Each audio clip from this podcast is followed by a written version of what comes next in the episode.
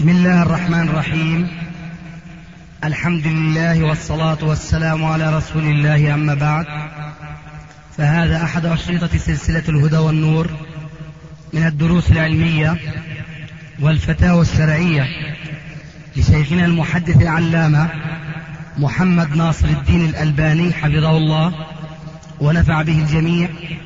قام بتسجيلها والتأليف بينها محمد بن أحمد أبو ليلى الأثري.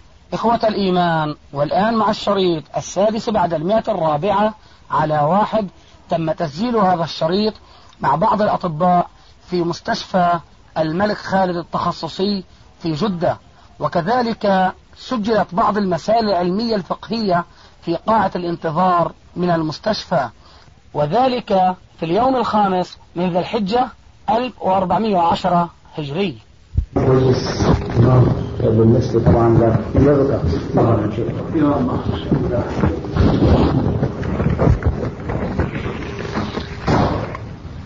الوزن والله حاولت أنا انزل وزني كمان كنت ما أدري كم كان رقم سابقا عندكم فزدت ان شاء الله بسم الله. يلا يا ترى المرة اللي فاتت أنا أعطيتك خبرة الركوع ولا ما؟ أخذنا نوع من الإبر ووجدت فيها فائدة؟ آه، تسمح لي أجلس حتى أشرح لك طيب. تطور. هات إيدك. يا الله. أنا كنت أشكو وجع هنا. أيوه. تماما. وكان ذلك يضايقني في الصعود والنزول في الدرج. وفي الصلاة أيضا. لكني شعرت بفائدة واضحة جدا لكني وأنت أدرى هل هو الفائدة عبارة عن تطور ولا تحسن؟ الذي صار الوجع اللي كان هون انتقل إلى هنا. وصار نزولي وصعودي في الدرج وجلوسي في التشهد أحسن بكثير من قبل. يعني من قبل لما كنت أجلس في التشهد كنت مضطر مد رجلي يعني الآن بجلس متوركا. هذا تحسن بالنسبة لشعوري الخاص. ثم الوجع اللي كان هو ما شعرت فيه إلا أنه صب هنا. وهنا يناسبني شيء من التمثيل هكذا. هذا الذي أردت أن أبينه لك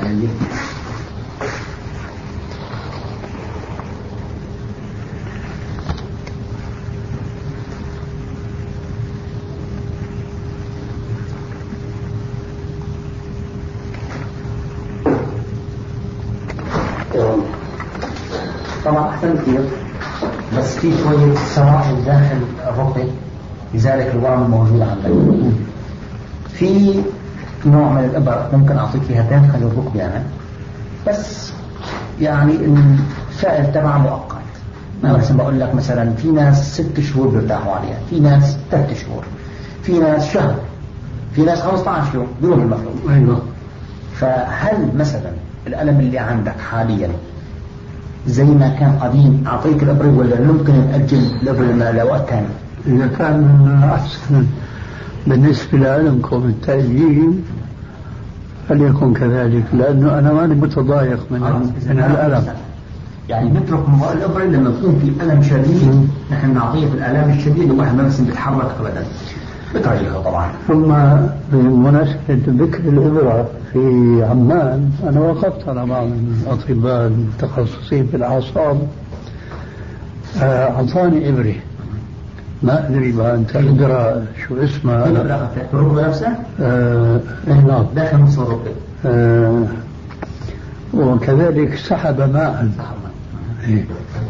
وفعلا الإبرة هي كان لها تأثير قرابة ستة أشهر. أي نعم. ثم بدأ الأمر يتراجع. ولما ذهبت إليه شعرت منه أنه بيعطيني إبرة أخرى لكن على تحرج منه. كأنه يقول أنه ليس من المناسب الإكثار من هذه النوعية فأنت بالطبع عرفت الآن. من فترة كم أخذت صار لها سنتين تقريبا. ونحن طبعا يعني خلال فترة العلاج كلها يعني ممكن تستغرق عشر سنين ما بننصح أكثر من ثلاث أدوار أكثر من ثلاث ما بننصح. فإذا أخذت وحدة وارتحت عليها ست شهور وحاليا الألم اللي عندك ممكن احتماله يفضل ما تاخذ نترك الأبرة لوقت الضيق المظبوط أحيانا يجوز الأبرة يجوز الركبة تلتهب والمي تزيد فيها وبعدين يكون الحركة مؤلمة جدا. فهالوقت هذا ممكن أعطيه بس طيب سحب الماء. سحب الماء أنت في عندك شوية ماء حاليا أنا بفضل إنه يروح لوحده. إلا إذا كان أحيانا بيجيني واحد يكون الركبه متضخه جدا طيب الذهاب بصوره بتشكل مرة ثانية. نعم. بتشكل مرة ثانية. ما في منها الذهاب بأي طريق يكون إذا كان بغير طريقه السحب. ما له يأثر معلش. ما له أي تأثير. ما له ما له تأثير. ولكن حاليا في عندك شوية مي ولكن هالشوي هي مفيدة بالنسبة لك بتسهل لك الحالة. لما بيزيد عن الحد يبقى لازم سحب بس حاليا كله كويس. أهم شيء تخفيف الوزن بعدين لا تنسى انه الشيخ يعني جاي الآن بسفر. وعمرة وما شاء الله كويس. الحمد لله. الحمد لله. طبعا يعني نعطيه نوع من الحبوب بتساعد أكثر في حبوب بصل الجليد ما لها أي تأثير على الكلى. هذه هذه حبوب أنا لا أزال أستعملها. طيب هذه هذه مضرات البول. نعم هذه يمكن دكتور زهير بالنسبة لهذه هي حبوب حاليا أحسن منها. ذكرت لي في الصفحه السابقه موجود هذا بس موجود عندك. توفر حاجاتكم بالضبط هذا الالام الركب دكتور. أيوه وقبل لا ننسى هل معنى ذلك نوقف هذا؟ هذا في بعض أيوه بدي اعطيك الحبوب هذه لمدة شهر وشهر بعد إذا شفت إنه ارتحت عليها أكثر من هذه يبقى بنحول من هذه للثانيه إذا شفت إنه لا كنت ترتاح على هذه أكثر يبقى بنوقف هذه وبنرجع أيوه. بس اثنين لا يخرجوا مع بعض هي عبارة عن حباية حمراء طويله اثنين المسا بالليل من بعد العشاء.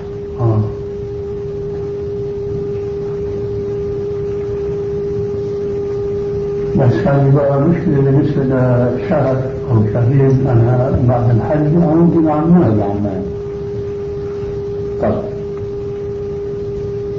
خلال شهر ما ممكن أحد يتصل معنا مشان نشوف ارتاح عليه ولا ما الشيخ نفسه بيتصل فيك خلاص. ممكن. شيخنا. يعطيك العلاج. انت موجود. لا أنا مسافر. أنا انزل حاجتي بالخبر ان شاء الله كويس. أنا انزل بعد الحج طيب كويس. بتجيب لي الخبر معك يا أبو طيب واعود بعد الحج بحوالي شيء شهر.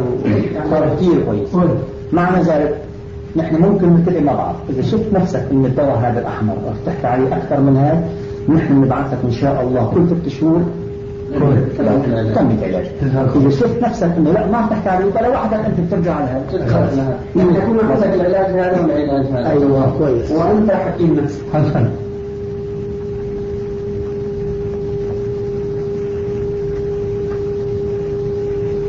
الفترة الانتقالية. يعني اليوم مدة العلاج هذا. متى ثاني يوم ما بيأثر لأنه هذا عبارة عن آه إنتاج من شركات الأدوية كل واحدة على حسب ما تفكر هي الطالب بس هالدواء هذا مثلا؟ يناسب الشيخ. يمكن هالدواء يناسبك على الجسم. حسب الجسم. في ناس ترتاح حتى بيكون دواء من أسوأ ما يمكن بس ترتاح من الإنسان. فهذا يعني أما إن شاء الله مثلا اليوم لمكة ولا بكرة؟ خروج لمكة يا شيخ. من يوم يوم الخامس. نعم. يمكن السابع. السابع إن شاء الله. يعني إن شاء الله اليوم الثاني يكون في منى إن شاء الله. رقم الملك كله فقط خمس كلمت دكتور سهير هو عنده راوند يعني خلاص اتصلت معه اي اتصلت اليوم شو اليوم؟ اليوم الاربعاء لا بالنسبة لو كان جي قبل كنا عملنا له كان جلسة rehabilitation تحب العلاج الطبيعي بس بكره بعد هلا بس بكره بس اليوم اذا بتحب فما في مجال عندي ما عنده مواعيد العلاج الطبيعي انت تبعتك لا اليوم بس أهم شيء أهم شيء تخفيف الوزن انه ضروري جدا جدا.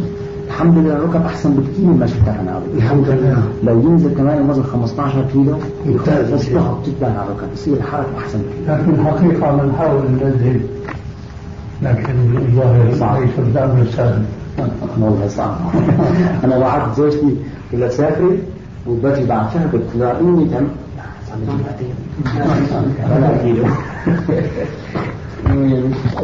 أخي ما هي المسألة التي لها وجهين فيما أنت في صدده حتى تختار ما هو الأيسر؟ ما هو الأيسر؟ بالنسبة إلي أن أتعجل في يومين وأبيت ليلة اليوم الثاني وأوكل في الرمي؟ ما ماذا شرع هل هذا هو الأيسر شرعا؟ الأيسر آه، لي أنا. لا مو لك. أنا أسألك شرعا. لأن كل واحد له هوى وشو رأيك إذا واحد رمى آه، جمرة العقبة الكبرى وقال أيسر لي أن أمضي إلى التمتع بإجازته لا هو الآن آه، أخل النسك. إيش رأيك في هذا؟ لا يصح لأنه أخل النسك؟ ترك المبيت في في منى وهو واجب. كيف المبيت كمان؟ ليلة الأول والثاني من أيام التشريق. طيب البيات في منى ما هي الليالي التي يجب أن يبيت فيها؟ الأول آه، ليلة آه، ليلة الأول والثاني والثالث. طيب وأنت؟ وأنا بت ليلة الأول والثاني. لا متعجل أنا. والثالث بتها. والصباح انصرفت. طيب. قبل الزواج. بجوز أن أكون أمانا كخطأ يوم العيد. نعم. تركناه جانبا. صحيح. يبقى ثلاثة أيام التشريق. أيام التشريق. فأنت تتعجل كما جاء في ال- اليوم في الآية. كما جاء في الآية؟ في يومين. أه؟ نعم. يعني تقضي يومين من أيام التشريق ثم تتعجل ولا تقضي يوم من أيام لا التشريق؟ يوم من أيام التشريق. ثم تتعجل؟ واليوم الثاني؟ آه جبني الله يهديك. نعم. أنت تقضي يومين من أيام التشريق وفي آخر يوم الثاني من أيام التشريق تتعجل هكذا؟ في أول في أول في أول يوم في أول الث- اليوم الثاني من أيام التشريق أي لا أرمي اليوم الثاني. لكني أبيت ليلته. التعجل المشروع اليوم الثاني. التعجل المشروع يكون متى؟ صباحا أم لا مساء مساء نهاية اليوم. أنت تفعل هكذا لا أنا أفعل شو عم نحكي؟ التعجل المشروع والذي يسر فيه ربنا وقال فمن تعجل في يومين فلا إثم عليه يعني رمى الجمرة في اليوم الثاني ثم انطلق لا يجري على شيء. أنت لا تريد أن تتمتع بهذه الرخصة. فقط بل تريد أن تزيد عليها. ولذلك قلت لك ما الفرق بينك وبين الذي يعني يتعجل في اليوم الأول من أيام التشريق؟ هذا هو أنت. هو ما بات ليلة ما ب- ما بات ما في فرق بين البيات وبين الرمي؟ كلاهما واجب.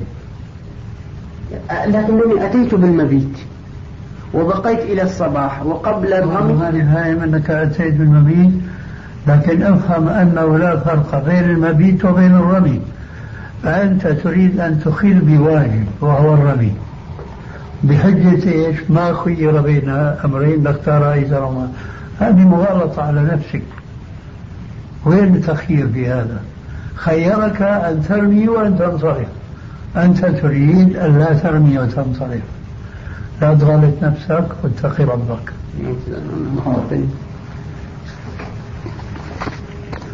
الحمد لله طيب أهلا نصيحة طيبة. إيه، إن شاء الله بيتقبلها ولا يؤثر هوى نفسه. لأنه مع الأسف مع طيبه ما عودنا على مخالفة هوى نفسه. ما عودنا. يعني كل ما يجري بحث في أمر يتبع هواه ولا يتبع نص الشرع أنا أقول يا هدانا الله وإياه اللهم آمين. المسألة يعني كلكم ضال إلا من هديته. فاستهدوني أهدكم. ترى إذا كان واحد يقول يا رب اهدني. ولا يستجيب بهداية ربه. يكون مخلصا في طلبه الهداية من ربه. آه فلا تكن هو. لا تكن هو. لا إن شاء الله إذا إذا أين تخوفني أنا لكن تخوفني جديدة. لا إذا إذا انصرفت راشدا آه، طمعا في بر الوالدة ولم ولم أرمي ولكني أتيت بالمزيد. أقول لك فهل علي دم؟ أقول لك شيء الآن. حجك هذه حج فريضة؟ لا ما في. طيب. شو رأيك ما تحج وتروح لبر والدتك؟ حج إن شاء الله. يعني حج رأيك؟ أنت عارفين؟ لا ليس. إذا بر والدتك بدون حج. يعني أنا أحببت إن شاء الله يكون الأمرين أمر الحج وأمر ال- أحببته ننصحك به. لكنك تريد أن تلف الدور وتذكر لنفسك أنك حججت. كما قال عليه السلام خذوا عني مناسككم إلى آخر الحديث. لكن مع ذلك أنت لا تريد أن تأخذ مناسكه عليه السلام. كما علمك بحجة البر بوالدتك. البر بوالدتك بدون حج وما حدا بيقول لك ليش ما حججت؟ لكن إذا حججت ولم تأتي بركن ما. آه. هذا بقول لك أنه فعلت خيرا؟ قول لا ما حدا بقول لك لا ما أخذ. هل أحد يقول لك أحسنت؟ يعني قد يقول يكون الأمر يعني فيه شيء من ال في فيه الأجر إن شاء الله ولك في تقصير. يعني. يعني تركت واجب يعني عليك كفارة أو عليك تجربة. إذا تركت آه، ما ينصب هذا الظهور لأنه هو عم يخطط للذوب اللي على الشرع مو علي أنا. إذا تركت واجبا أنت مرض لله ورسوله أم أنت آثم؟ هي أظن ما تعرفها. والله إن شاء الله أكون مرضي وآثم. إن شاء الله. يعني مرضي لأني أنا قمت بهذا ولكن جهدي قصر فيجبر فيجبر تقصير جهدي الدم. قصر يعني أنت ما تستطيع ولا باستطاعتك آه، باستطاعتي ما أستطيع. باستطاعتي أني أنتظر لكن ما أستطيع لأنه مسافر تسافر في يوم الأحد الثاني. وأنتظر أسبوع كامل؟ إيه ربح لك لكنك شعرت أنك ذوبت ولا لا؟ إذا سافرت في اليوم الأول من أيام التشريق ها؟ اليوم الثاني أنا أسافر أنا أقصد إذا سافرت اليوم الأول من أيام التشريق. بعد ما رميت. آثم ولا؟ ما صح الحج يعني صح الحج وعلي الدم عفوا. آثم ولا ما آثم آثم آثم آثم. طيب. لماذا هنا جريء وتقول آثم وليس مرة واحدة بل آثم آثم. ثم نصفين قول آثم هون وأجب عن السؤال الثاني بآثم. إذا سافرت اليوم الثاني قبل أن ترمي آثم ولا لا؟ خلاص. صار مثل الصنم. قال لهم الخليل ما لكم لا تنطقون. لا أقول يعني هنا يعني المسألة والله أنا أحيانا الله يهديك أولا أتيت بالمبي ثم ما بقي علي إلا رمي فوكلت فيه أحد فما رأى عليه شيء يعني. وهذا الذي ولى في اليوم الأول وكل ما عليه شيء؟ مبيت ليلة الثاني ما بات وكل وكل. وكل بالرمي لكن المبيت لابد منه. وكل بالمبيت ما يصح. ما يصح. وكل المبيت بركي بيجيب لك واحد غير محرم بيوكله كمان يبيت عنه. يا شيخ الله يهديك اتق الله في نفسك.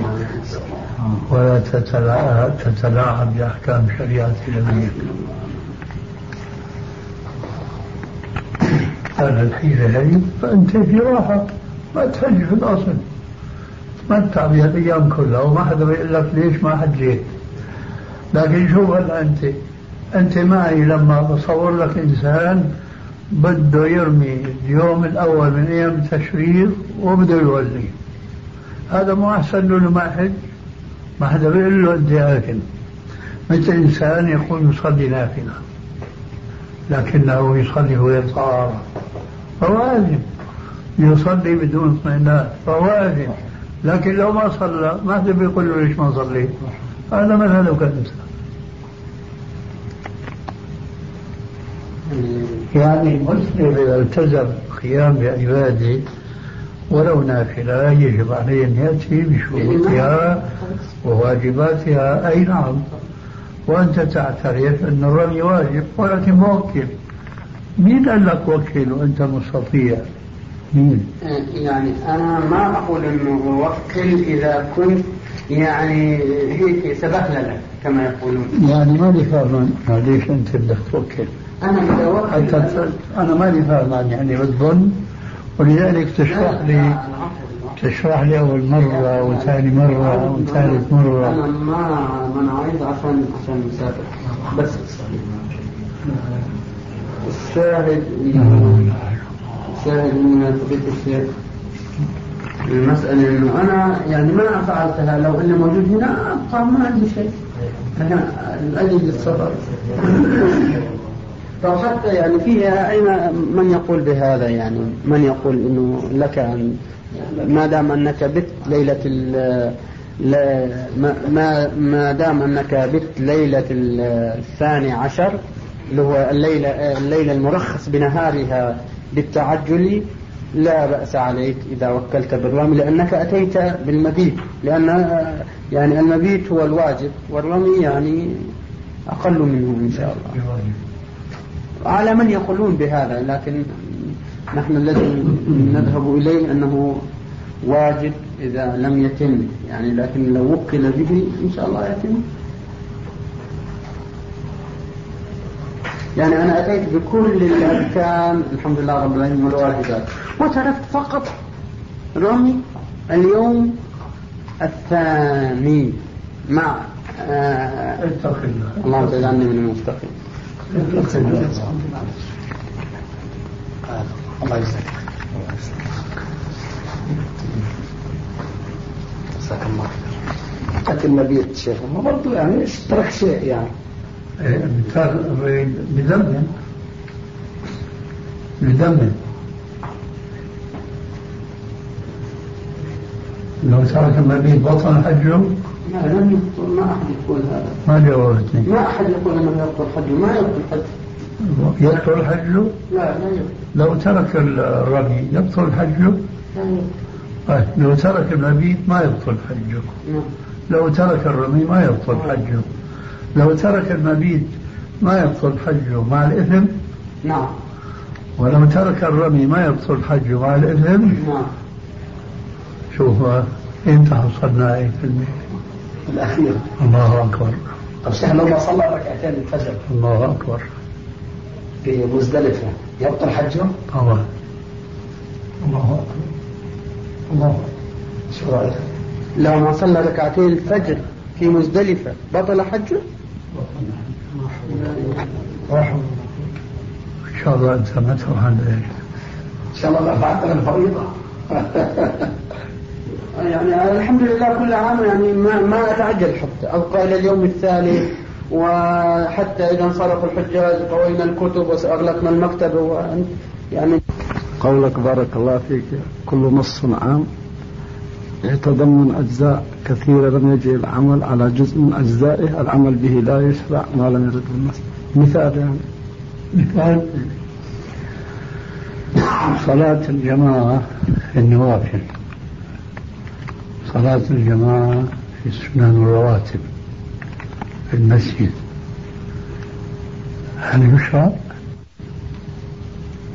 يعني دخلنا نصلي الظهر. نعم. الآن. ونريد أن نصلي سنة الظهر القبلية.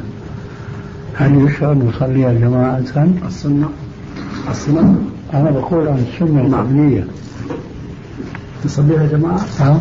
ما عندي علم كيف ما عندك علم؟ ولك عايش. بلغت من الصيد ما بلغت. لا يعني يعني أقصد ما أقدر أقول إيه يمكن يكون في دليل أو أقول يكون في دليل والمسلمين كلهم يصلوا إيه أنا هذا هذا ما أقول. آه. مصارعة عدم من صاحبك هذا لا. هذا تخشى من هون يولي من هون أنا أقصد إيش؟ أنا ما عندي علم ولا دليل. أنا أخاف إنه أقول في فرق بينك وبينه. بس فرصة تنتقل العدوى. الجماعة في السنن الرواتب كما ترى المسلمين اليوم السنة صلاة السنن مرادها فلو أن رجلا أراد أن كل ما دخل المسجد يقول يا ناس تعالوا نصلي جماعة. بدل ما تصلوا مراد السنن نصلي جماعة. واحتج بمثل قوله عليه السلام صلاة الرجل مع الرجل أزكى من صلاته وحده أي مصعب دخل في هذه الجزئية. لكن هذه الجزئية لم يجري عمل المسلمين عليها. على مقتضى دلالة الحديث العام فلا يعمل به. إلا إذا جاء نص. أي بارك الله واضح؟ هم ما فهموا عليها في أول الأمر. وبعدين لما فهموا تبسموا. الشاهد. إنما الحديث يأمرنا بأن نأكل منها ولا بد. أما النسبة غير محددة. يأمرنا أن ندخر منها ولا بد أما النسبة فغير واردة.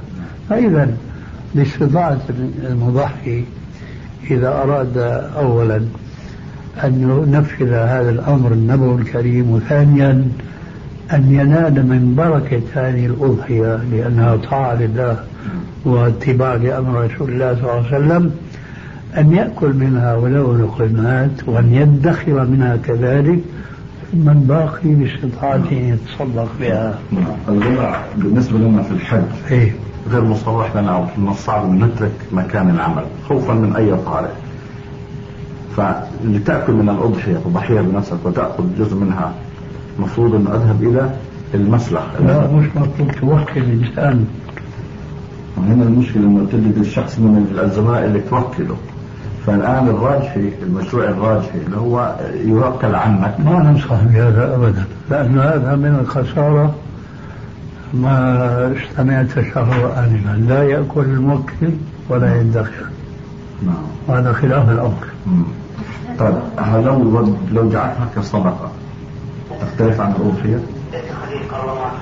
يعني هل تريد أن تجمع بين الصدقة والأضحية؟ أن تجعل الأضحية صدقة لا. أنا إذا أردت أن تجعل الأضحية. الأضحية تكون النية أن لا تكون أضحية أن تكون صدقة. فاهم إذا أردت أن تجعل الأضحية صدقة نعم. فهي صدقة من الصدقات. نعم. بمعنى كصدقة الفطر تماما. نعم. قال عليه السلام هي يعني آه، طهرة للصائم وطعمة للمساكين. فمن أخرجها قبل صلاة العيد فهي صدقة مقبولة. ومن أخرجها بعد صلاة العيد فهي صدقة من الصدقات. فأقول لك الآن إذا جعلت الأضحية صدقة ما ضحيتها؟ ولا فرق حين ذاك بين أن تتصدق بذبيحة ما قبل العيد أو بعد العيد أو في أي أيام من أيام السنة فهي صدقة من الصدقات ولكنك ولا مؤاخذة تكون آه، يكون المثل حين ذاك الذي يبني مصرا ويهدم قصرا لماذا؟ لأنه أخذ بالواجب وجاء بالمستحب آه. والرسول عليه السلام يقول من وجد ساعة ولم يضحي فلا يقربن مصلانا. واتفق في عهد عليه السلام أن بعضهم ضحوا يوم العيد قبل صلاة العيد. فقال ضحي بغيرها لأنه يشترط أن تكون بعد صلاة العيد كما تعلم. وإذ أمر الرسول عليه السلام بتعويضها هذا يؤكد وجوبها. ولذلك الذي يريد أن يتصدق فعلا فلا ينسى نفسه ولا ينسى القيام بالواجب فهو يوحي أضحية ثم كما قلنا آنفا يأكل من اليقيمات يدخر من اليقيمات ثم يتصدق بأكثرها. كيف ادخر سؤال كيف؟ نكمل في الحج إن شاء الله. يلا بسم الله. السؤال بالنسبة يا شيخ لسجود السهو والجلسة بين سجدتي السهو. هل في ذكر ولا الذكر مثل ال... مثل هذه. مثل هذا يعني أيوة. تسبيح ورفع أيوة. الخير أيوة. يعني ما في شيء خاص. طيب سؤال آخر بالنسبة لتكبيرات صلاة الاستسقاء. سبعة في الأولى وخمسة في الثانية. هل في وجود نص؟ نص ما في. قياس على إنما لا في عبارة في بعض الأحاديث كصلاة العيدين. فأخذ من التشبيه تكبيرات. لكن يبدو أن هذا توسع في الاستنباط. توسع غير محمود في الاستنباط. يعني هذا يذكرنا بقاعدته التي سألني عنها نعم،. هذا صباحا أنه كل نص عام لم يجري العمل بجزء من أجزائه فلا يستدل على إجزائه بالعموم لأنه لم يجري العمل عليه وهكذا فالرسول صلى كثيرا ولم ينقل عنه أنه رفع يديه في صلاة الاستسقاء كما كان يفعل في صلاة العيدين بالنسبة لقلب الرداء للمصلين بعد الصلاة. ورد ورد نص بالنسبة للمصلين نعم صلاة الاستسقاء. إذا إذا دعا الخطيب نعم. قلبها في هذا هو.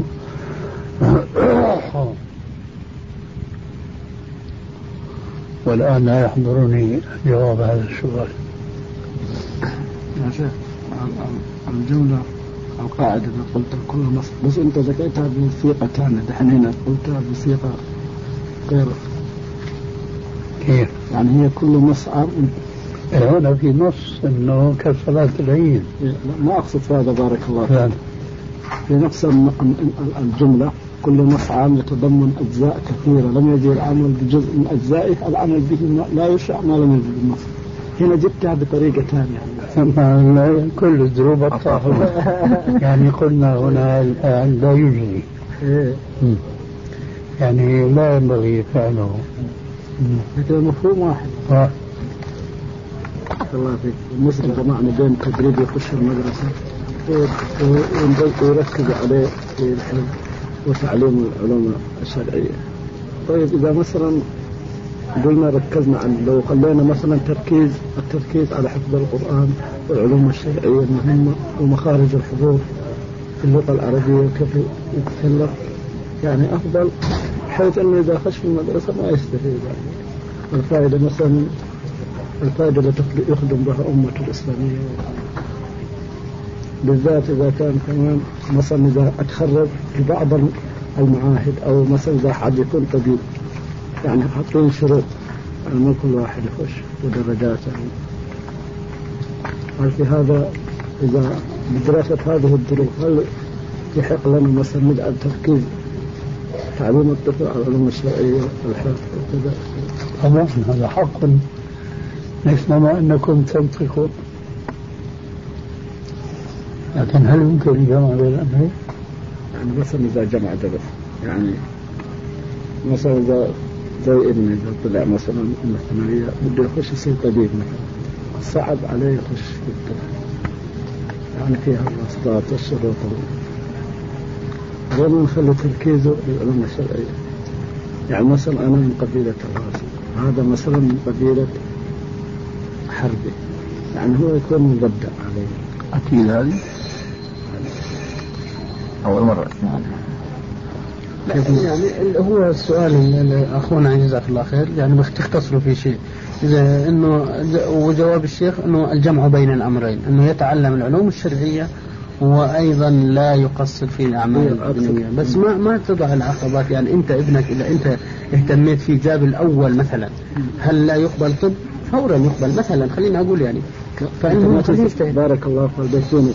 الآن في بعض المحلات في شروط لازم تجيب أصل ومنشا لجدك مثلا أنا أبي مثلا متجنس وأنا مولود. طيب ابنه ابنه ماله حقيقة جد يقول جد فخر القبيلة أنا قبيلتي في نيجيريا. هذا لا يعني. هذا نظام مش شرعي يعني. يعني علاقتي إذا أنا مثلا ركزت في تعليم ابني في العلوم الشرعية ركز. علي بأس. أنا بقول لك ركز. شلون عليك. إذا مثلا منعته من التعليم ما تمنع هذا بس إذا مثلا ما قلت لك إذا كان ممكن الجمع بينهما فنعم ما هو. ممكن. أما إذا كان لا يمكن فالدين أولى. بارك الله ممكن. لأنه الأيام الأضحية نعم كثير الناس تسأل عن الأضحية. يعني شخص يعني والديه يقيم عنده أو في بيت واحد وهو يضحي فهل يكفي هذا عن والديه؟ طيب شخص والديه يعيشوا في مدينة مثلا في في المدينة وهو ساكن هنا في جدة. جاءوا عنده ضيوف في في المدينة في عنده في البيت الآن. وموجودين عنده الآن مدة الإجازة ثلاثة شهور. هل يضحي هو أم يضحي أبيه؟ ما في في البيت الذي لا لا يوجد أحد؟ لا يوجد فيه أحد. ماشي يضحي واحد هنا. مم. ولو أراد والد الشخص أن هو يعني يشتري الأضحية قال يا ابني أنا عندك وأنا أضحي. ماشي يكفي هذا. نعم. ولو أراد ابن آخر. كان معهم ضيف يعني المهم وقال أن هذا البيت يخرج منه أضحية. جزاك الله خيرا سواء بقى كان الذي أخرج الأضحية هو الأب أو الولد ثم سواء كان الولد هو الكبير أو الصغير. المهم على أهل كل بيت نعم. في كل عام أضحية. نعم. أخلص التسجيل أو كل شيء. بالنسبة لي زكاة الحلي يعني لو شخص عنده أكثر من طفلة مثلا عنده أكثر من طفلة وعندهم ذهب هل شرط أنه مجموع الحلي اللي عندهم يبلغ النصاب؟ أم الشرط أنه كل واحد أن يبلغ طبعا أنت تقصد الطفلة غير البالغة. البالغة غير نعم البالغة غير البالغة. غير البالغة. آه لا ترقي الموضوع. لا غير البالغة. تقصد غير البالغة. نعم. طيب. هي ليس عليها كلفة وتكليف. وإذا انتقل إلى البالغة. حينئذ لا يجوز الجمع بين قيم هذه الحلي لأن كل إنسان كما قال تعالى في القرآن أنا أروح أشوف العلاج كل نفس جزاك الله خير كل نفس بما كسبت رهينة. ها؟ السلام عليكم. السلام عليكم كيف حالك؟ الحمد لله. الحمد لله. المقصود كل إنسان مكلف بخصوص نفسه. آه كما قال تعالى وأن ليس الإنسان إلا ما سعى. فإذا كان في البيت آه بنات بالغات ولكل واحدة منهن حلي تختص هي بها. حينئذ لا يجوز الخلط بين هذه الحلي من الصبايا كلهن وإن كل واحد أو كل واحدة منهن لها حسابها الخاص. فإن كان حلي فاطمة مثلا بلغ النصاب أخرج الوالد? والدها لا لا هي نقول أنا مكلف بس ما يمكن ما عندها يعني ما ما عندها مصروف. قد يكون ما عندها شيء يعني تعتمد على دخل فتعتمد على والدها. هذه مسألة أخرى. م. أنا أردت أن أبين ما يأتي. أو قلت فاطمة حلي وبلغ النصاب وحال عليها الحول. عليها الزكاة. مسألة أخرى. في عندها سيولة ولا ما عندها قضية أخرى. آه عائشة مثلا أختها أيضا بلغ آه حليها النصاب فهي مثل أختها. لكن نفترض الآن فاطمة عندها نصف النصاب وعائشة عندها نصاب ونصف فلا يجمع بينهما ويخرج عن نصابين. واضح؟ طيب. إذا اتضحت المسألة الآن نعود إلى المشكلة التي أثرتها أنت في آخر الكلام فنقول أنه إحداهن ما عليها مثلا ما عندها سيولة هذا أمر يدبر في أحسن الأحوال أن يعينها أبوها أمها أخوها إلى آخره. المهم أن تزكي هذا المال. فلو فرضنا بأضيق السبل أنه ما فيش أحد حولها يخرج زكاة عنها. حينئذ يجب أن تخرج من نفس الهدي ولو نقص من النصاب فذلك خير لها وأبقى. واضح؟ طيب. شيخ بارك الله فيك. هل من شروط الزكاة بلغة الرشد؟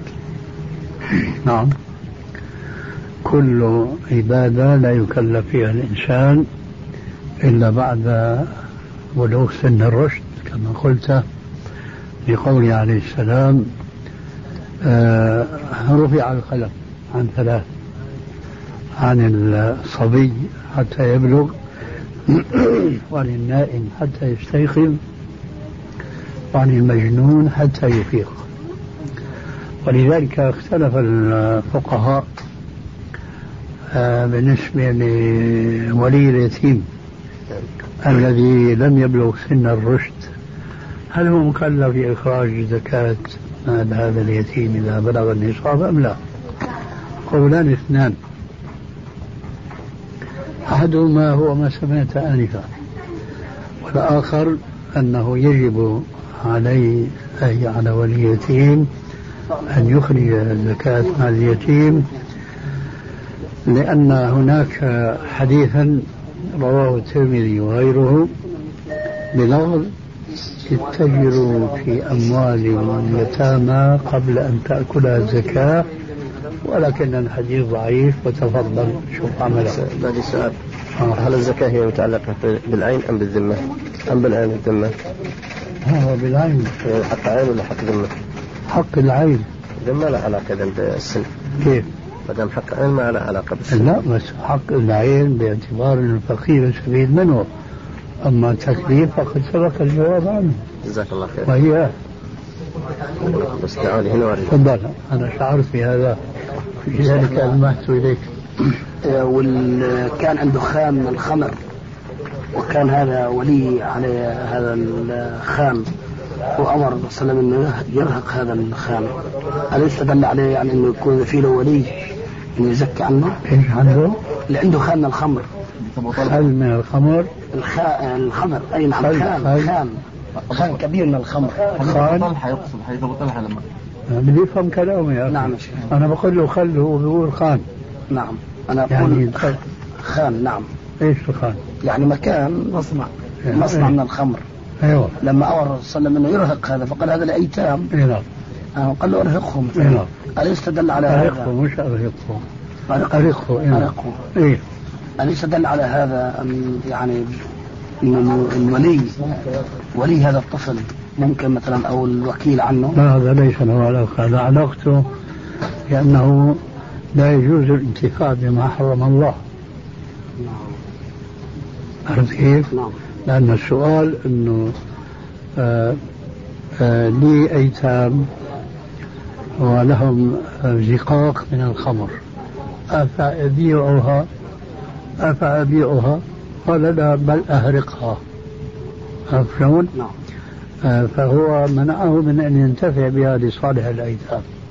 ليس للحديث علاقة بالزكاة جزاك الله واضح؟ نعم نعم. تأسفين ما تعرفنا على اسمك أنا اسمي محمد ناصر الدين الألباني. لا إله إلا الله. لا إله إلا الله. كيف حالك؟ الله يبارك فيك. حياك الله. كيف أنت؟ الحمد لله. عرفناك من كتاباتك وما عرفنا شخصك إلا اليوم. نسأل الله أن يجمعنا على الهدى والتقى. آمين اللهم آمين. أنا أنت المسلمين. وعلى سنة المصطفى. اللهم آمين. ده. بالنسبة اللي عنده فيديو يبي يتخلص منه. هل يبيعه؟ فيديو فيديو. فيديو. إيه يبي يتخلص منه. يحطمه كالأصنام تحطيم يعني. أيوة. ما يبيع ولا شيء. ما يبيعه لأنك تعين غيرك على ما تريد أن تخلص نفسك منه. ولا يؤمن أحدكم حتى يحب لأخيه ما يحب لنفسه. تعرف هذا الحديث؟ فإذا لا يجوز أن تبيعه. يعني المبلغ اللي دفعت فيه خلاص يعني أكسره هو المبلغ ما أنت سمعت حديث خمر الأيتام آنفا؟ أبو طلحة الأنصاري كان وليا على أيتام وكان يتاجر لصالحهم في الجاهلية ببيع الخمر. فلما نزل تحريم الخمر جاء إلى النبي صلى الله عليه وسلم فقال يا رسول الله عندي زقاق من الخمر لأيتام لي. أفأبيعها؟ قال لا بل أرقها. مال الأيتام يصفح على الأرض. فأنت والحمد لله لست يتيما. ولكن الشيخ ما يمكن مثلا استخدام الفيديو في آه، منافع أو في جهات تنتفع به ولا مثل المدارس المستشفيات إيش هو ينتفع به؟ الفيديو محاضرة فيديو؟ نعم آه نحن نقول للفرد نعم فضلا عن أن نقول لهيئة معينة إذا كان يستطيع أن يستعمل الفيديو نعم. والتلفاز فيما لا معصية فيه حين ذاك بين فرد وهيئة. فما يقال في الفرد يقال في الهيئة وما يقال في الهيئة يقال في الفرد. المهم التمكن من استعمال الفيديو فيما شرع الله عز وجل. وهذه دائرته ضيقة جدا. لأن بعض الناس مثلا قد يستبيحون إظهار صورة الشيخ الخطيب في الفيديو أي ضرورة في هذا. أما لو أن شيخا فاضلا آه، وصف للرائين للتلفاز كيفية الحج مناسك الحج كيفية صلاة الرسول عليه السلام التي لا تفهم جيدا إلا بالتطبيق العملي نقول مثل هذا يجوز. لكن ما نسبة هذا الجواز بالنسبة لما لا يجوز إنها قطرة من بحر هذا من جهة. ومن جهة أخرى من الذين يحددون ما يجوز وما لا يجوز يحتاج إلى هيئة من العلم والعلماء. وهذا عزيز جدا اليوم. ولذلك كما قال عليه السلام في الحديث المعروف الحلال بين والحرام بين وبينهما أمور مشتبهات. لا يعلمهن كثير من الناس فمن اتقى الشبهات فقد استبرأ لدينه وعرضه. اتقاء الشبهات. تؤمر شيء دكتور؟ أهلا بك السلام ورحمه الله. هناك مثل شامي في بعض البلاد العربية يقول وهو مأخوذ من الحديث السابق ونحوه كقوله عليه السلام دع ما يريبك إلى ما يريبك. ما هو المثل؟ قال ابعد عن الشر وغني له بتقولوا أنتم هكذا نعم. وفي مثل ثاني الذي يريد أن لا يرى منامات مكربة لا ينام بين القبور. علي بينام بالقبور يخيل له قام ميت من قبره يتوسوس عليه. لا بعيد عن الشر وغني أنا قصدي الشيخ بارك الله فيك الاحتراز من الصور المحرمة في الفيديو والتلفزيون. صعب. وينأمنها يعني ولي الأمر. على نفسه ما يأمنها على من حوله خاصة الأطفال واتصالهم بالمدارس والشارع. فأنا أقول يعني خلو البيت منه أولى خلو البيت يعني طيب. أنت بتقول أولى وأنا أقول لك من قال لا. لكن تكسيره أظن أن فيه لو جعل إلى مؤسسة خيرية أحسن. وين هذه المؤسسة مدرسة الخيرية؟ مدرسة مثل المدارس. وين المدرسة الخيرية التي تلتزم في الفيديو دار الحديث الشرع؟ دار الحديث. يعني طيب أنا أسألك الآن نعم. أي دار حديث فيها فيديو؟ ما عشان تستفيد منه. عشان تستفيد. لا يا شيخ إن لعجزهم احتووا على فيديو وإنما لعلمهم بأنه توجيه الوجهة الإسلامية صعب. وهذا الله موسع عليهم الخيرات والبركات ما أنا بحاجة لواحد مثل أخونا أنه يجي يقدم له هدية فيديو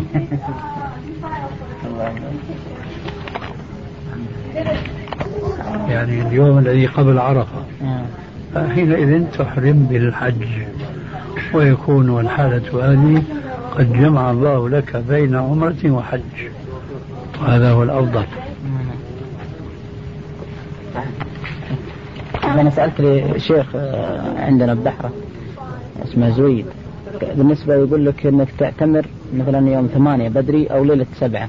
تطاف وتسعى وتكسر وبعدين تطلع المنى. تفسخ في الم... لنا تكون ساكن هناك مثلا في الخيمة حقك. تفسخ يعني ربع ساعة نص ساعة وقت كذا وبعدين تلبس الإحرام بنوي الحج.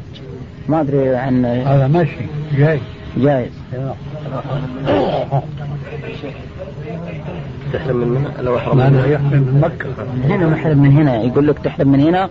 تحرم من هنا بالعمرة أي نعم. وت... ثم بعد ما تطوف وتسعى تتحلل. أي نعم. ثم في اليوم الثامن تحرم بالحج من مكة.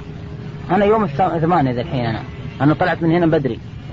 آه. وطفت واستعيت وقصرت. إيه؟ يقول لك تروح للمنى على طول المخيم حقك مثلا. تفسخ احرامك وتلبس ثوب ربع ساعة نص ساعة بعدين تلبس الإحرام ثاني مرة.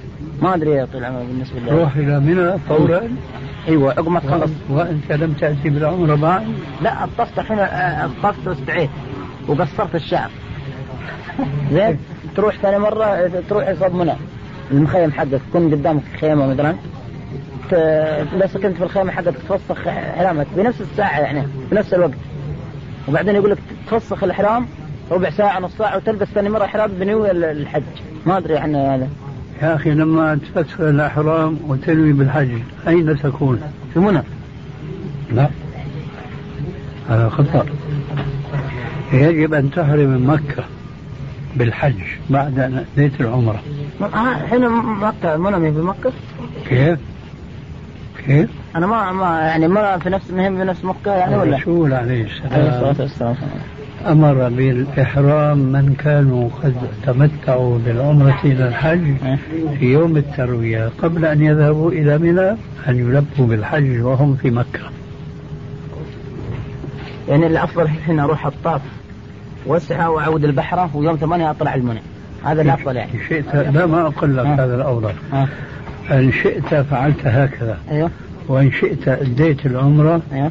وجلست هناك في مكة ما بقيت حلالا بعد التحلل. سواء قبل يوم أو يومين أو ساعة أو ساعتين حسب ما يتيسر لك المهم. أن تلبي بالحج وأنت في مكة. ومن هناك تتوجه إلى منى. وقد أحرمت بالحج. يعني ساعتها أقصر شعري وأقصر أفسخ الإحرام والبس ثوب وثاني مرة بعد ثاني مرة أحرم أفسخ الثوب من نفس المسجد. من مكة. أي نعم. أيه. وألبس الإحرام. أي نعم. آه وأطلع المنى. وتذهب إلى منى. يعني هذا جايز. هو هذا. آه. كويس. ويلزمنا في فدي. مش فدو هذا. هذا ضحية هدي هدي. هدي هدي. هدي. قال تعالى فمن تمتع بالعمرة إلى الحج فما استيسر من الهدي. فمن لم يجد فصيام ثلاثة أيام في الحج وسبعة إذا رجعتم تلك عشرة كاملة. الفدو هو مقابل خطأ يرتكبه الإنسان. هذا اسمه فدو أما كفاء أن الله عز وجل سمح للمسلم أن يجمع بين عبادتين في وقت واحد. العبادة الأولى هي العمرة والأخرى هي الحج. فجعل كفاء هذا الفضل الإلهي أن يتقرب الإنسان بالهدي.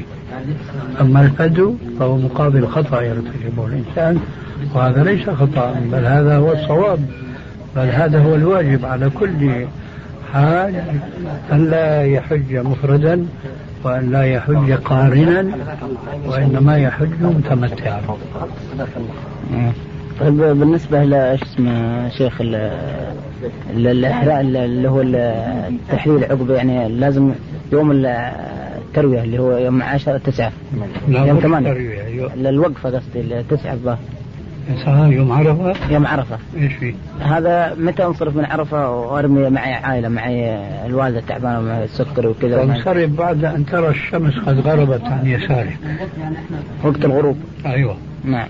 تنطلق من هناك إلى المزدلفة. أيوة مزدلفة ولا بد أن تبقى هناك إن كنت وحدك دون عيالك. لا إيه نعم. تبقى هناك إلى أن تصلي الفجر في المزدلفة إيه نعم. ثم تنطلق إلى منى وترمي الجمرة الكبرى بعد أن تطلع الشمس. بعد طلوع الشمس. هذا إذا كنت وحدك أي نعم. رجلا. اي نعم. أما إذا كان معك نساء نعم. النساء يجوز لهن أن ينطلقن من المزدلفة بعد نصف الليل وحينئذ إذا كان معك نساء. فتذهب أنت بشفاعة النساء يعني يجوز لك أن تخرج معهن بعد نصف الليل إيه. واضح الكلام؟ عشان نرمي الجمرة العقبة الكبرى لا اصبر. إلى هنا واضح الكلام؟ نعم يعني إذا كنت رجلا وحدك وما ما تخرج إلا طلوع الشمس. إلا بعد الفجر يا بعد صلاة الفجر. بعد ما تصلي الفجر نعم. في مزدلفة. نعم. ماشي؟ ماشي. طيب. أما إذا كان معك حريم نعم. معك نساء نعم. فتذهب أنت في شفاعة النساء حيث أذن الرسول عليه السلام للنساء والغلمان الصغار والعجزة أن يخرجن من مزدلفة بعد منتصف الليل. ماشي إلى هنا؟ نعم. أما الرمي فللجميع لا يجوز إلا بعد طلوع الشمس. بعد طلوع الشمس. وإذا سمعت أحدا يقول أن النساء اللاتي يخرجن بعد منتصف الليل يجوز لهن أن يرمين قبل غروب الشمس هذا خطأ. نعم. لأن النبي صلى الله عليه وسلم لما أذن لضعفة النساء والغلمان بأن ينصرفوا بعد منتصف الليل. قال لهم لا ترموا الجمرة جمرة العقبة إلا بعد أن تطلع الشمس. فإذا يجب أن نفرق بين التبكير بالخروج من المزدلفة بالنسبة للضعفة نعم. وبين الرمي. فالخروج يجوز بعد نصف الليل. والرمي لا يجوز إلا بعد طلوع الشمس. طيب بالنسبة إذا رميت العقبة الكبرى أه، وين اتجه الحين؟ صوب الحرم ولا؟ تتجه إلى إلى مكة لقضاء طواف الإفاضة. طواف الإفاضة؟ أي نعم. والسعي يسعى والطواف؟ لابد أي نعم. وبعدين أرجع من للمنى منى. منى. مشان تقضي الأيام أيام الرمي. اثنين أي نعم. 11 و12 أي. والمت... يجوز التعجل. في ثاني عشر. مم. بس الأفضل يعني أي نعم. نعم. إذا كان متمتع بيض يسعى ولا يطوف بس؟ هو لا نحن ذكرنا مع المتمتع. أما المفرد والقارن لا يسعى بعد الطواف. ماشي؟ واضح؟ ترتيب في يعني لا عمل تمتع عمل عمرة أولا وتمتع من بها وعمل الحج. وبعد ما نزل من من عرفة ورمى الجمرة يطوف ويسعى. أيوه. أما القارن والمفرد لا يسعى يطوف ولا يسعى. نعم. قلت شيئا؟ متى يذبح الهدي؟ أر- أربعة أيام من العيد يجوز له ذلك. يا شيخ والدي توفى رحمه الله قبل أسبوع. نعم. فأريد أن أهدي جزاكم الله خير. أريد أن أهدي بداء يعني عنه. وما ما هو الهدي يعني ما هو فضل الهدي؟ في أنت تريد ماذا بالنسبة لأبيك؟ أهدي أهدي يعني أذبح له نعم. أبيها هو كان حجة؟ نعم حج كثير كثيرة. نعم. إيه. أي شيء تفعله بالنسبة لوالدك من الخير والعبادة؟ فهو يصله أجرها إن شاء الله. أي شيء؟ قراءة القرآن. هل تصله؟ قراءتك أنت باعتبارك ولدا له؟ نعم. أما إذا كلفت قارئا أن يقرأ فلا يصله شيء. ولا لا لا يصل شيء. هذا. بالنسبة للهدي ما ثواب الهدي بالنسبة لل كيف كيف يصله الثواب؟ الهدي هو من مناسك الحج. فإذا ما حججت عنه فلا هدي. ولكن أي صدقة تتقدم بها إلى الله عز وجل قاصدا بها أن يصل أجرها إلى أبيك فهو إن قاصد شاء الله واصل. أي نعم.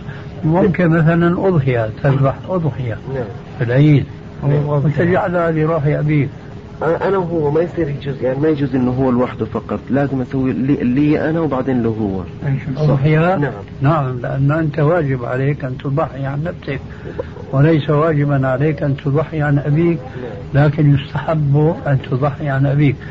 فإذا شئت أن تجمع بين الواجب والمستحب فعليك أضحيتان الأولى واجبة عنك والأخرى مستحبة عن أبيك.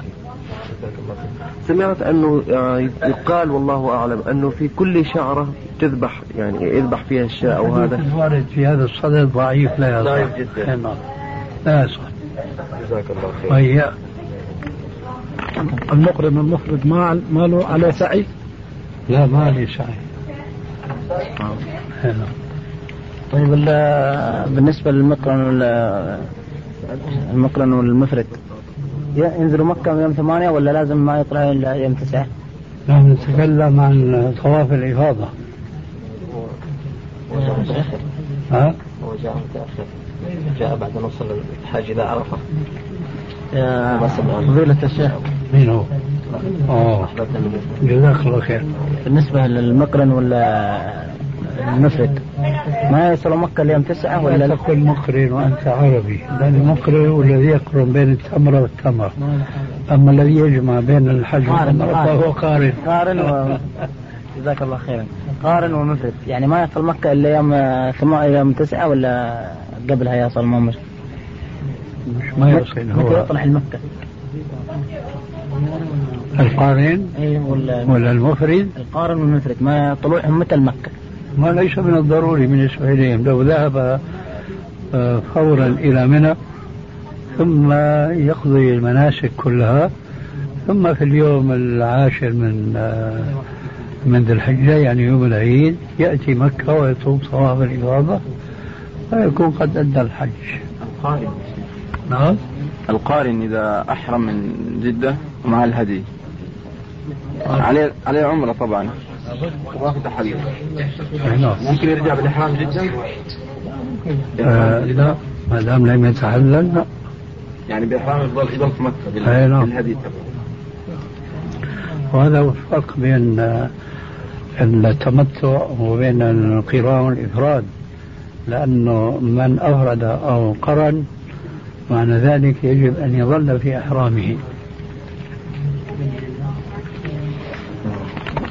بالنسبة للذهب اللي عند المرأة وهو ما تملك مثلا مبلغ أو الأرض عندها هي مرأة عندها أرض وعندها حلي أي نعم. والحلي عندها ما بلغ كلها لا. أجرت كلها لا أجرت ولا بيعت ولا شيء. إيش ال- الطريقة في وهي ما عندها ما عندها فلوس. عندها حلي عندها حلي ويبلغ النصاب؟ تقريبا. يعني إيش تقريبا؟ يعني- في تقريبا تحديدا. يبلغ لك يجب أو لا يجب يبلغ النصاب. طيب. الحلي إذا بلغ النصاب وجبت الزكاة ولا شك أما الأراضي نعم. أما شيء آخر إيش ذكرت؟ بيت. بيت دار. أي نعم. دار مؤجرة. في منطقة ثانية. لا مؤجرة ما أجر ما أجر مرة. ما يطلع ما حد فيها. ما يطلع عليها شيء. إلا الحلي. الحلي هي اللي بس. إذا بلغ النصاب واضح؟ إي نعم. لكن أنا أريد أن أوجه إليك نصيحة يا سلام. أنا أراك شابا والحمد لله يهمك أمر دينك نعم فلماذا تحف لحيتك إن شاء الله نوفرها إن شاء الله نقول إن شاء الله لا قل إن شاء الله ولكن كما قال تعالى إذا عزمت فتوكل على الله. إن شاء الله. ما يغرك الشباب. نعم. ها؟ عليه يعني إنه عازم الظاهر. نعم. الظاهر إنه عازم. يعني تباشير إن شاء الله. شوف من مشاكل الذين ابتلوا بحلق اللحية نعم. أنهم يستفتحون العبادة بالذي هو شر. لأنه يوم يأتي يوم النحر ما بدهم يتحللوا؟ نعم. بيتحللوا بالمعصية. هاي مصيبة الدار. خاصة المصريين هؤلاء. الله أكبر. يغفل عنها كثير من الناس. وما علم بأنها ربما ترفع أو تخرج من النار. تخرج من النار أو ترفع من سجل درجة. الله. والله لو كان أمر من أمور الدنيا لتكالبوا عليه. آه ولا قطعوا له المسافة. الله. لكن سبحان الله لا إله إلا الله. بالنسبة اللي عليه دين مثلا أقساط سواء أو يعني سلفة. ما أدري كيف يعني سمعت أنه لازم يدي اللي عليه. هذه أقساط ما هي حالة يعني أقساط شهرية. ما أدري كيف الطريقة. آه، أوضح لي سؤالك. الحين أنا ناوي حج إن شاء الله. وعلي مبلغ من مبلغ من المال. أقساط يعني نعم. شهريا. يعني هل يجوز يقول لك لازم تستسمح منه؟ هل يجوز إني أروح أستسمح منه ولا ما؟ آه، أولا الأقساط من أين؟ لمن هذه الأقساط؟ لك لمن؟ لي أنا. علي علي عليك. أي نعم. أنا أقول لمن هي؟ لشخص ثاني. أنا أعرف مو أشخاص. أنا. لكن هذا الشخص إيش هو؟ البنك هو؟ لا لا لا. لا إنسان. يعني عادي خلي إنسان. عادي يعني مو هو حيوان. لا قصدي يعني مو تاجر مو لا تاجر يا ولا أخي حدد. خير مشتريها تاكسي هذا هو. أي نعم. إيه. إيه. اشتريت السيارة بالأقساط. اي نعم. ودفعت السعر أكثر من سعر النقد. نعم هذا شيء هذا ما يجوز. هذا ما يجوز. طيب إيش سويت؟ أنا ما أقول لك آه. الآن شو تساوي إيه. لكن مرة ثانية ما تساوي. ما شاء الله. طيب. المهم مم. آه إذا كنت أنت كل شهر متفق إيه. مع هذا الذي ابتليت به ها وابتلي بك. ها؟ أن تدفع كل شهر مثلا مبلغ مسمى. نعم. طيب. هذا ما يحتاج إلى استئذان. أما لو أنك آه، استقرضت من إنسان قرض حسن لله تبارك وتعالى واتفقت معه على أجل مسمى. نعم. ها؟ وجاء الأجل ووقعت أنت بين وفاء الدين أو الحج إلى بيت الله الحرام. في هذه الصورة لابد أن تستسمح منه. أما وهناك قسط محدد بوقت أه، تستطيع أن هذا القسط أن تؤديه مثلا بعد موسم الحج أو لا تستطيع؟ يجب أن تعمل دراسة.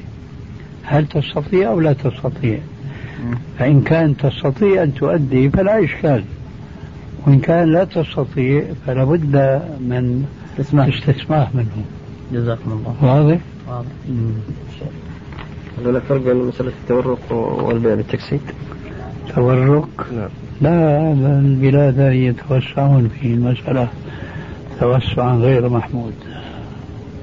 ما عرفناه في أن مسألة لأنه فيها تعاون على المنكر. أليس كذلك؟ فيها استغلال فيها دخول إلى باب الربا لبعض الشركات. تعاون على المنكر. والله. والله يقول تعاون. وتعاونوا على البر والتقوى ولا تعاونوا على الإثم والعدل كل شيء فيه تعاون على المنكر لا يجوز لأنه يؤتى يعطى للسبب حكم المسبب نحن أنه جائز وندرسه في مدارس بأنه جائز. وهو ال... كنت ولا أزال أظن بك غير هذا الذي سمعته الآن. ما دام أنت معي في أن التعاون على المنكر لا يجوز نعم. فلجؤك إلى مذهب أحمد إن صح. ماذا أنا- يفيدنا أنا- في الموضوع؟ أنا ما لجأت إلى مذهب أحمد بن هذا الواقع. أنا أبين لك ما هو الواقع. أنا عارف الواقع. أن الذي ندرس في المدارس أنا عارف الواقع ولذلك قلت أه لك أهل هذه البلاد. قيدها.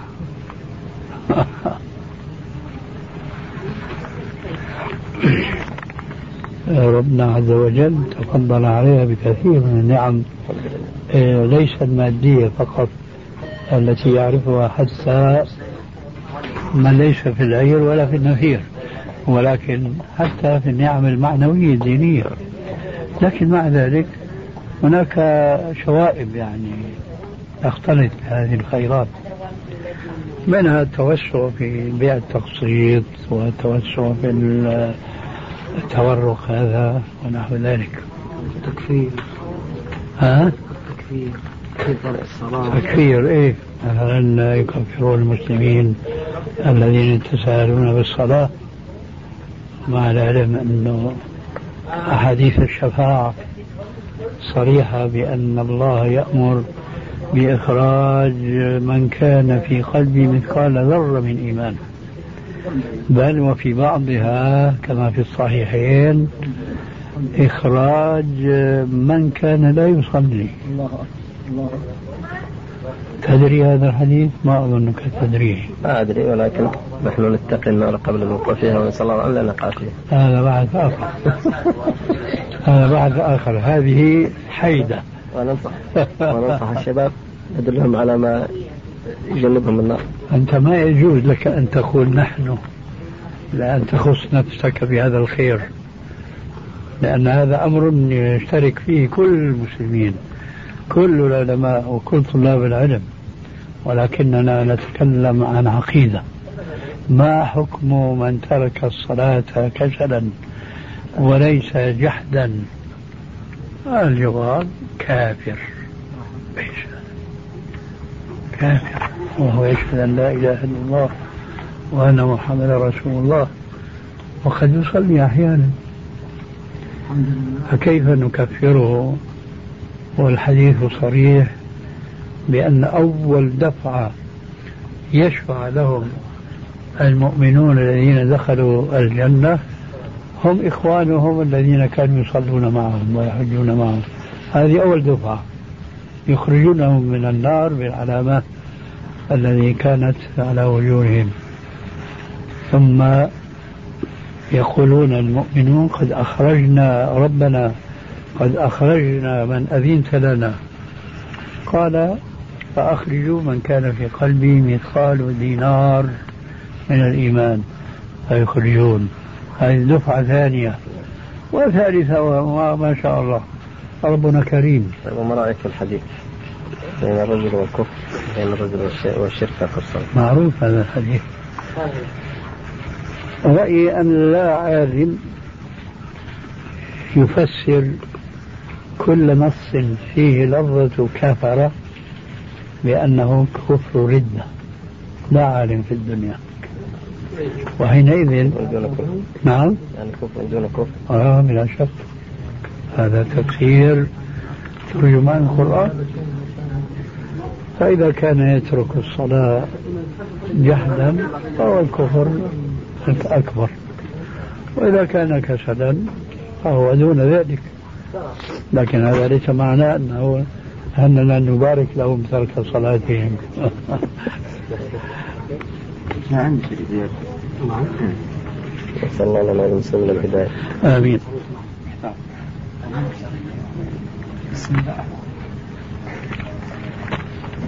إذا كان هذا المعنى صحيحا فقد استوينا.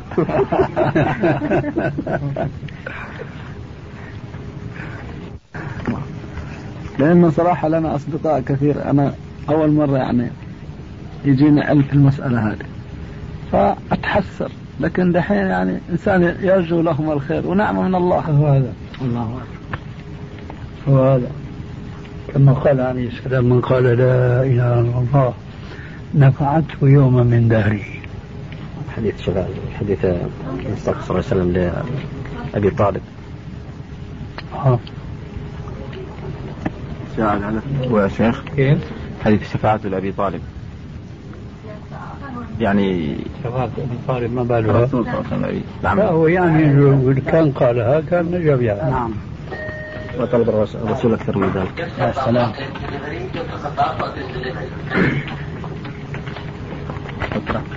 الوالد رحمه الله قبل توفى مات المسلمين إن شاء الله. قبل يتوفى فيه آه، مصاب مرض السرطان. أخذ تسع شهور في المستشفى وأنا كنت مرافق معه. سوى وكالة. يعني شهد اثنين إنه يسوي وعليكم السلام ورحمة الله وبركاته. كيف حالك؟ يسوي ثلث على يدي. إيش؟ إيه؟ ثلث ماله على يدي. الثلث. إيش؟ صدق ولا وقف؟ لا ثلث على يدي ما أدري. يعني. إيش ثلث ماله. إيه يقول ثلث ثلث ماله ثلث ثلث ماله. ثلث ماله. آه. ويكون على يعني أوصاك أنت؟ أي نعم. على ثلث ماله إيه؟ بعد فترة كذا طلع من المستشفى طيب. وبعد ما كان يعني بعد كان ما مسخن طاب وراح وعياله في ديرة ثانية. أنا موظف في منطقة ثانية. راح وقسم ال- المال حقه بين عياله. هل عد علي شيء أنا أديه ولا خلاص؟ وقسم طيب لما مات كان لم يخلف مالا قسمها عد حي. أنا فاهم. إيه. بعد هذا التقسيم ما خلف مالا غيره مرة. خلاص صار على القسمين. وكل مين أخذ نصيبه؟ كله أخذ نصيب.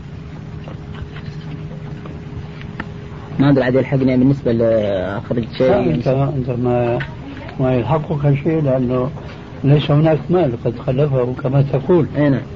لكن القضية لها نظرة من جانب آخر وهو ما فعله. هل هو مشروع أم لا؟ نعم. آه، قسمته للمال في قيد حياته. هل كان على طريقة الإرث؟ أي كقاعدة للذكر مثل حظ الأنثيين. أم كان على التساوي بين الأولاد كلهم؟ لا هو عليه عيال خمسة عيال من حرم واحدة خمسة رجال خمسة رجال. يعني أولاد له. خمسة أولاد أيوة. وثلاثة أولاد وبنتين على مرة ثانية. فقسم المبلغ اللي قسم ال- المنطقة اللي هو فيها الناس ونص هذا ونص هذول العيال. هذول خمسة رجاجيل خمسة عيال. أمهم مطلقة. وهذولاك يعني ثلاثة أولاد وبنتين. أمهم عنده لا يعني قبل لين توفى. المجموع خمسة من زوجي وخمسة من زوجة أخرى؟ أيوة خمسة آه. بس هذولاك بنتين. معلش فاهم أيوة وهذولا خمسة. وأعطى الخمسة نصف ما يملك أيوة. والخمسة الآخرين نصف ما يملك. أي نعم. آه خمسة كلهم ذكور. أي نعم. آه وخمسة فيهم ثلاثة ذكور اثنين بنات. أي نعم. وسوى في العطية. أي نعم. هذا إذا كان باسم ال- العطية فهذا هو الشرع. وهو العدل في العطاء لا تفريق بين الذكر والأنثى. أما إذا كان قسمة ميراث فهو خطأ مرتين. أولا أن قسمة ميراث لا يجوز إلا بعد تحقق سببه وهو الوفاة. وثانيا القاعدة القرآنية للذكر مثل حظ الأنثيين.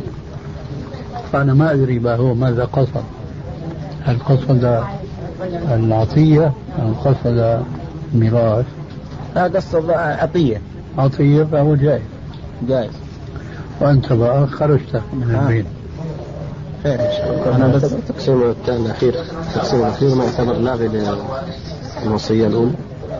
هو هذا لذلك لم يبقى له عمل. رجل جاء من الرياض متمتع فذهب إلى مكة واعتمر وتحلل ثم نزل عند أصدقائه في جدة ثم أراد أن يحرم من جدة للحج. فهل يبقى كونه متمتعا أم أنه متمتع يبقى متمتعا؟ طيب يا شيخ إحنا جايين نبغى ندعوك للعشاء عندنا في البيت. هنا في أم السلام. وقت بها عكاشة. أنا عكاشة. محمد بن عكاشة. ثاني وكيف حكمت بالغيب؟ أنك عكاشة. أنا محمد بن عكاشة. اسم الوالد عكاشة. إذا على كل وجه من التأويل فلست عكاشة فأنت ابنه.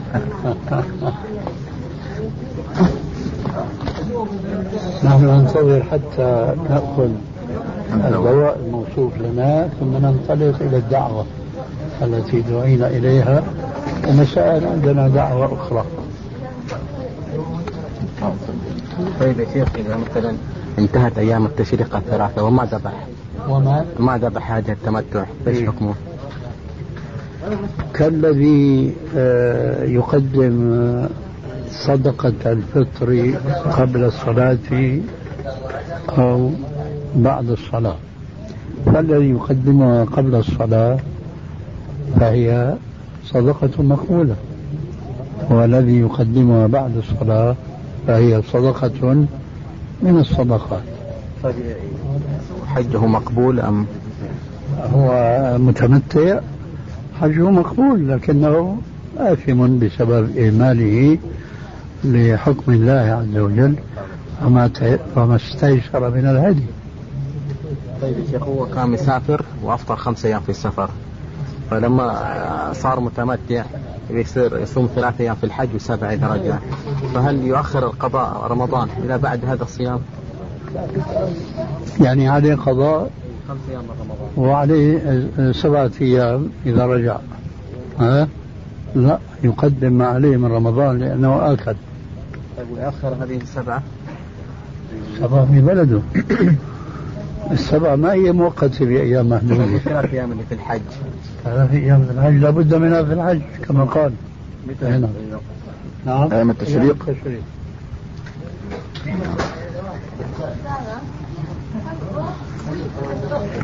على ما على ما في تأخيرك من مضرة. لك لكن ترى في فائدة لنا. نسأل الله أن يثيبك على ما أنت على عليه كل حال أنا تكرهوا ما- شيئا وهو خير لكم. الله يبارك فيكم. يا الله. هل يجوز ترك بعض المسائل الفرعية في سبيل الدعوة؟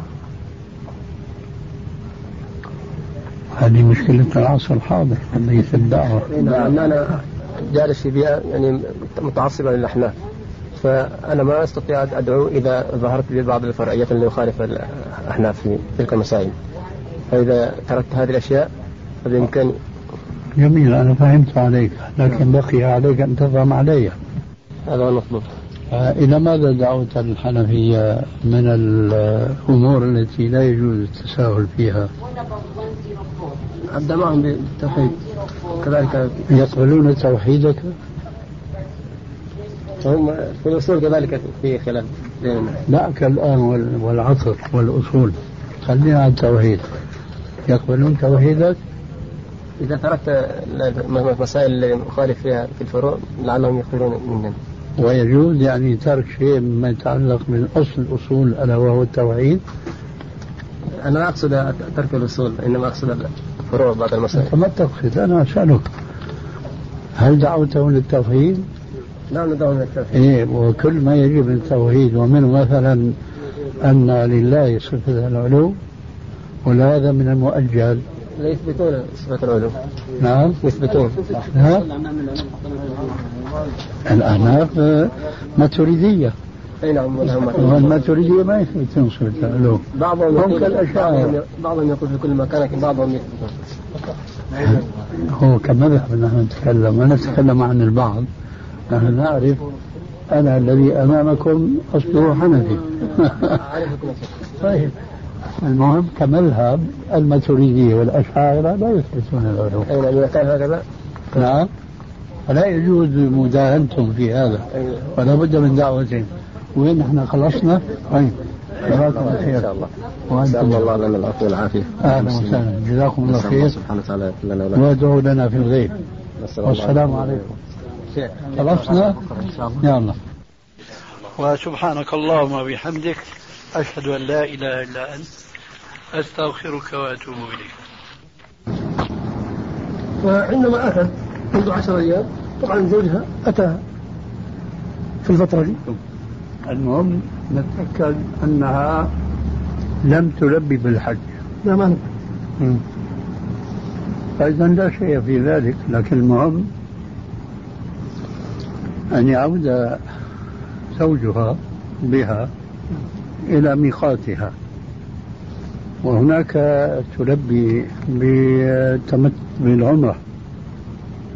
وتأتي مكة وتطوف وتسعى ثم تتحلل. ثم حسب ظرفها إن كانت تتمكن من البقاء في مكة كل هذه المدة ثم إذا جاء اليوم الثامن يوم التروية لبت بالحج فعلت وإلا رجعت إلى مقر زوجها في جدة. ثم من هناك تحرم بالحج مستأنفا. لأن تلبيتها الأولى كانت للعمرة وهذه التلبية الأخرى هي للحج. إذا السؤال عنا نسألها هل هي لبت؟ وإن لم تلبس الإحرام وإن لم تنوي. يعني مثلا لبت بالحج فإذا لبت من الميقات مع من لبه في الطائرة فمعناته نقول هنا أحرمت بالحج. أحرمت بالحج وإتيان زوجها لها. المفسد يكون مفسد وعليها الحج. آه. وعليه بدن آه. وعليه أن تحج من العام المقبل. أي نعم. أحسنت. هذا إذا كانت وهذا المفروض أنها ليست كذلك إذا لم تشترط على ربها فتقول اللهم محلي حيث حبستني. فلو قالت هذا ليس عليها إعادة وليس عليها هذه أو كم رمضان مضى عليها؟ لو فرضنا ثلاثين رمضان.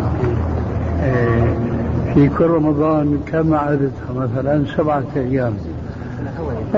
كاتفين سبعة واحد وعشرين يعني ميتين وإيش عشر صلوات مثلا. فهي تصلي ما عليها. والصيام عفوا الصيام مش الصلاة. يعني تقضي الأيام التي أبطلتها بسبب إيش؟ عذر الحيض. آه كما قلنا يعني تعمل حساب تقريبي. ثم بعد ذلك تكثر من التطوع ما شاء هي من الناحية دي تقول نقول لها السيدات تقول لا لا أستطيع. كيف لا؟ يعني تعاند الشيء هي كبيرة يا أخي أنا مش هذا تصوم رمضان الآن ولا لا؟ هي تصوم بس نقول لها أخذ الأيام هذيك وسألنا عد نفس الجواب على السؤال ده لكن الآن تقول لا. ما, ما لا أستطيع أن أفضل بذلك طيب هو قوله ولا قول؟ العلماء أسمع شوي ما في هذا ما في فتوى. إذا كان يقال لرجل صلي فإن الصلاة فريضة هو يقول أنا هذا يصلي إيش حديثنا معه؟ السلام عليكم.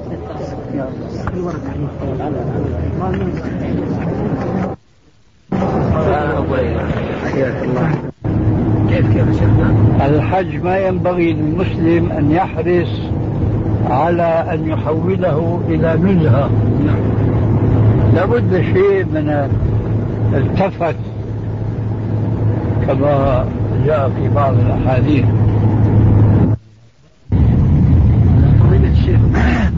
ما الجواب عن حديث ابن الزبير؟ عيدان اجتمعا في يوم واحد فجمعهما فصلاهما ركعتين بكرة لم يزد عليهما حتى صلى العصر. رواه أبو داود وقواه الشيخ في الأجوبة النافعة صفحة خمسين. فإنه يدل بظاهره على عدم مشروعية صلاة الظهر في مثل هذه الحالة وإليه مال الشوكاني في نيل الأوطار.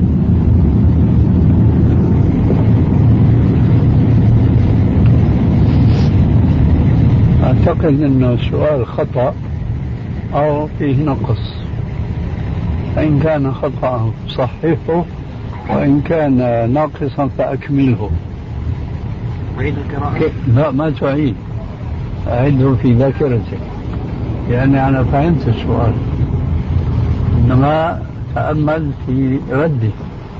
وهو إما أن يكون في السؤال خطأ فصححه وإما أن يكون ناقصا فأتمه. لأنك أنت بتقول ما الجواب؟ الجواب عن ماذا؟ أنت ما ذكرت. الجواب مع ماذا؟ بتقول الحديث صحيح وصححه الألباني إيه قلت إيه. فإنه يدل شو بتريد بقى؟ الجواب عن ماذا؟ عن ما يلي؟ فإنه يدل بظاهره على عدم مشروعية صلاة الظهر في مثل هذه الحالة. إيه.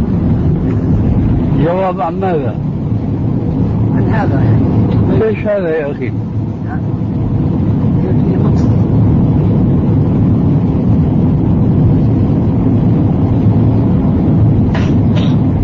وضح وضح كأنك تريد تقول أنت الصحيح ما دل عليه الحديث.